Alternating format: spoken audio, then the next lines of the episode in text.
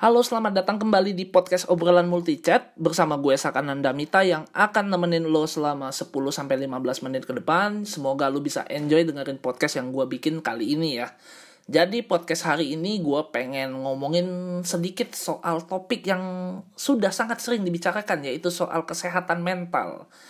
Ya kebetulan bentar lagi juga di tanggal 10 Oktober itu ada hari kesehatan mental sedunia jadi gue tuh pengen sedikit cerita soal kondisi uh, mental gue kemarin-kemarin gitu.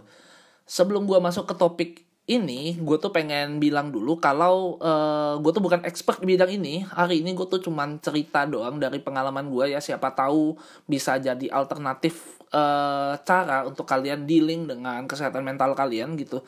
Terus juga jadi syukur-syukur pengalaman gue tuh tadi bisa ngebantu ya. Nah kalaupun pengalaman gue nggak bisa ngebantu ya udah anggap aja ya gue tuh cuman ngebacot kosong lah pada hari ini gue cuman curhat aja gitu. Oke kita masuk ke cerita gue. Jadi uh, menurut gue uh, pengalaman mental health gue sedikit terganggu itu uh, gara-gara ya gue ngerantau ke Jakarta. Gue itu kan ngerantau uh, dulu SMA ngerantau ke sini buat kuliah Nah, uh, tahu sendiri lah kalau baru ngerantau itu atau baru lulus SMA, lu tuh punya mimpi segudang gitu, lu pengen jadi apa pun di dunia ibarat kayak gitu ya. Jadi kalau dulu gue tuh pengen banget jadi uh, entrepreneur, pengusaha atau kayak pengen jadi apa ya pokoknya, pengen dikenal orang lah gitu. Gue pengen jadi kayak pembicara atau pengen jadi artis gitu. Pokoknya gue tuh pengen banget dikenal, gue tuh pengen orang tahu gue tuh siapa pada saat itu. Nah, uh, problem nih muncul nih. Mulai muncul ketika gue tuh hampir-hampir lulus. Ya sekitar gue udah mulai masa-masa skripsi ya. Itu gue merasa kok uh, semua mimpi yang gue pengen itu sama sekali nggak ada yang terwujud. Yang tadi gue bilang gue pengen jadi pembicara nggak terwujud. Terus gue pengen jadi entrepreneur juga nggak terwujud gitu loh. Karena uh, eh, gue lihat kayak ternyata nggak semudah itu. Lu jadi entrepreneur tapi lu nggak tahu mau ngebisnisin apa. Terus kemudian lu pengen jadi pembicara lu nggak punya platformnya apa. Makanya mungkin sekarang gue tuh suka gitu uh, bikin podcast. Jadi karena gue merasa uh, even gue bukan pembicara gue tuh bisa ngebacot di podcast gitu. Dan gue punya platformnya. Walaupun ya yang denger juga mungkin 8 9 orang ya jadi lah ya gitu. Yang penting ada yang dengerin gue gitu kan. Dan juga uh, eh, gue tuh mulai merasa nih kok gue kayaknya jadi orang yang gagal terus juga gue mulai kehilangan arah gitu gue rasanya. Tapi walaupun kayak gitu gue tuh masih nggak mau nyerah. Karena pada saat uh, eh, gue lulus sidang itu gue nggak mau langsung cari kerja. Lulus sidang itu gue selama tiga bulan gue coba dedikasiin uh, diri gue buat belajar daily trading saham. Jadi gue coba tuh belajar uh, gimana sih cara cuan di apa di bursa saham gitu ya, dengan cara daily trading. Karena bagi gue tuh uh, jadi karyawan tuh ibaratnya kayak apa ya kayak lu menjual jiwa dan raga lu ke perusahaan. Makanya gue tuh dulu menganggap jadi karyawan tuh kayak hina banget gitu. Gue nggak suka banget jadi karyawan. Even uh, sekarang gue tetap jadi karyawan dan udah nggak apa-apa gitu. Gue bukan uh, masih dengan mindset pada saat itu gitu.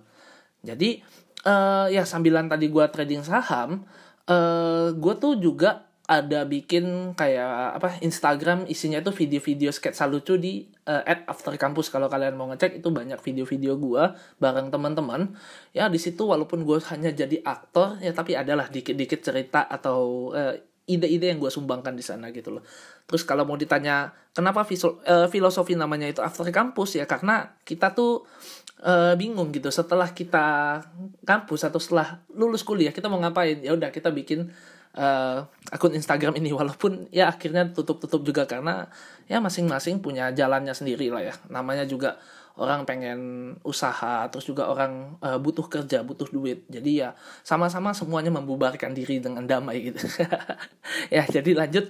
Uh, puncaknya ketika gue mulai uh, merasa kalau oh daily trading ini nggak bisa nih untuk uh, ngehasilin pendapatan bulanan yang cukup buat gue dan juga yang tadi waktu after kampus mulai bubar karena anggota-anggotanya termasuk gue sendiri udah mulai kerja udah mulai sibuk masing-masing uh, ya nggak bisa disalahin karena kita tuh butuh uh, pendapatan bulanan gitu loh. Jadi karena kan lu setelah lulus kuliah lu tuh udah nggak dikasih duit jajan lagi sama orang tua kan.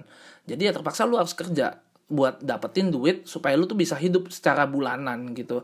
Nah di sini gue tuh masih merasa banget sangat terpaksa untuk bekerja atau sangat terpaksa banget untuk jadi karyawan gitu. Gue tuh merasa uh, kayak apa ya kayak hina banget gitu jadi karyawan. Karena ibaratnya nggak sesuai dengan mimpi-mimpi yang gue pengen pada saat itu.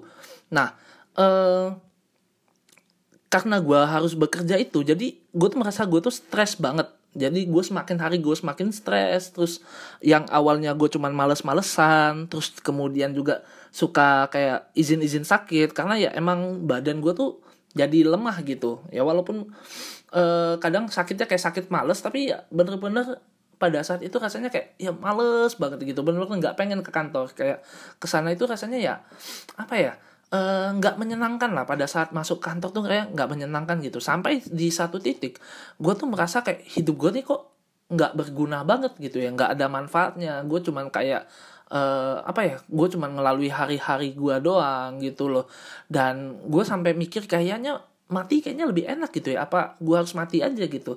Lagian kayaknya mungkin pada saat gue mati tuh nggak ada yang apa ya nggak bakal ada yang dirugikan pada saat gue mati. Jadi kayak gue hilang tuh nggak apa-apa gitu menurut gue nah untungnya gue tuh uh, walaupun punya pemikiran-pemikiran kayak gitu gue tuh belum pernah tuh untuk sampai ada action yang gue lakukan ke diri gue untuk mencoba uh, ya suicidal gitulah uh, gue belum pernah sampai ke situ.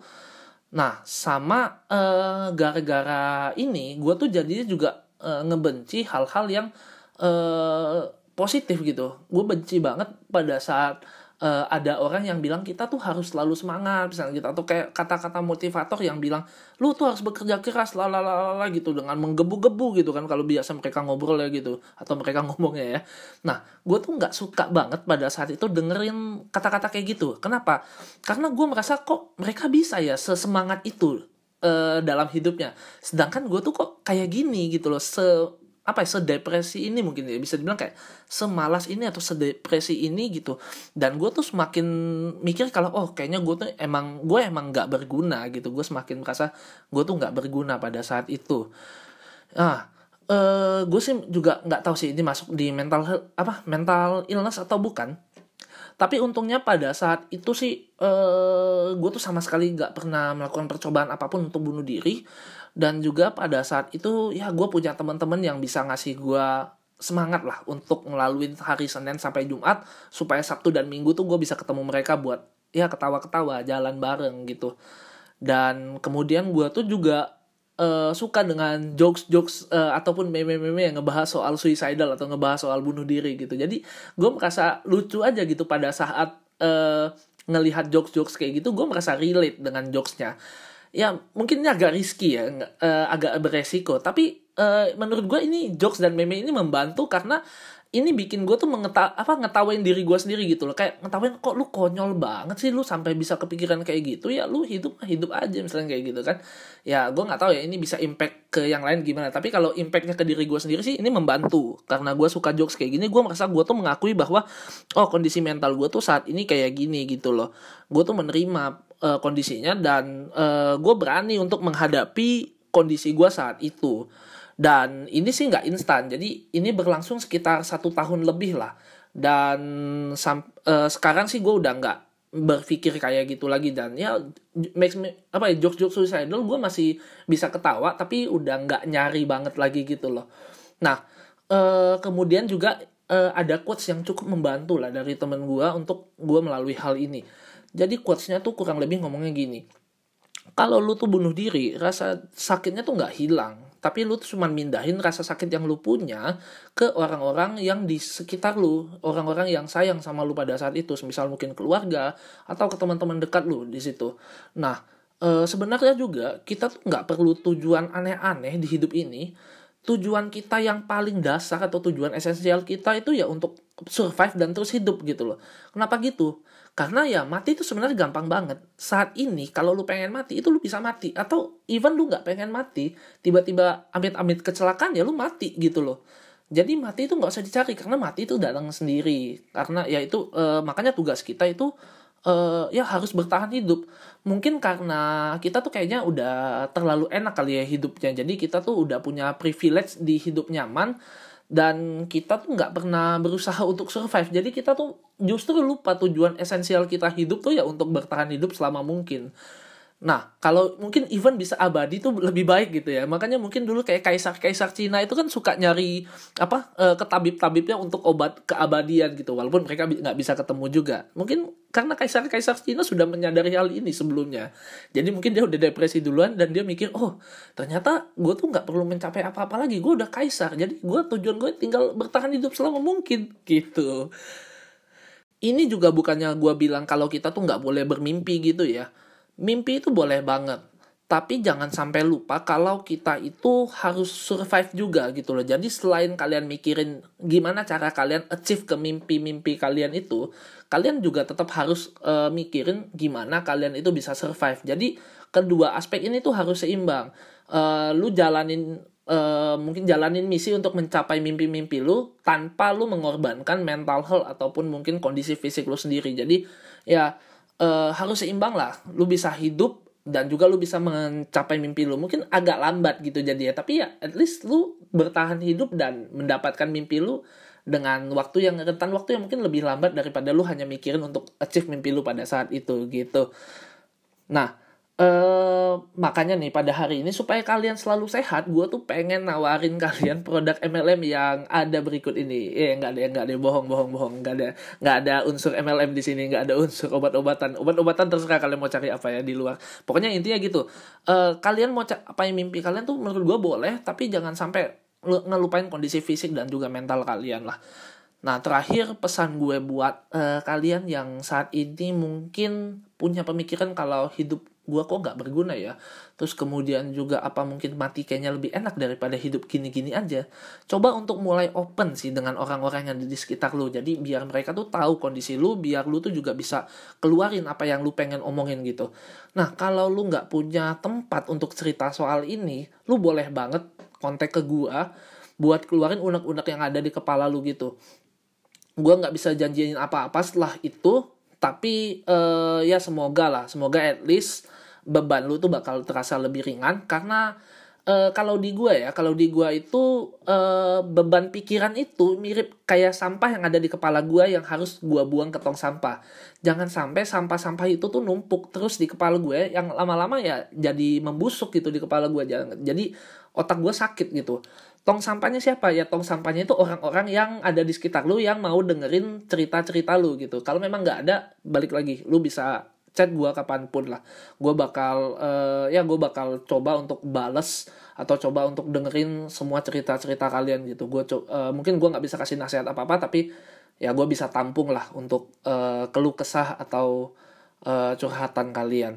Nah uh, terakhir juga nih uh, ingat aja kalau kita tuh uh, cuman punya satu tujuan pada saat kita dilahirkan yaitu untuk bisa survive selama mungkin di dunia ini karena mati itu bisa kapan aja dan survive itu justru adalah tantangan hidup kita gitu.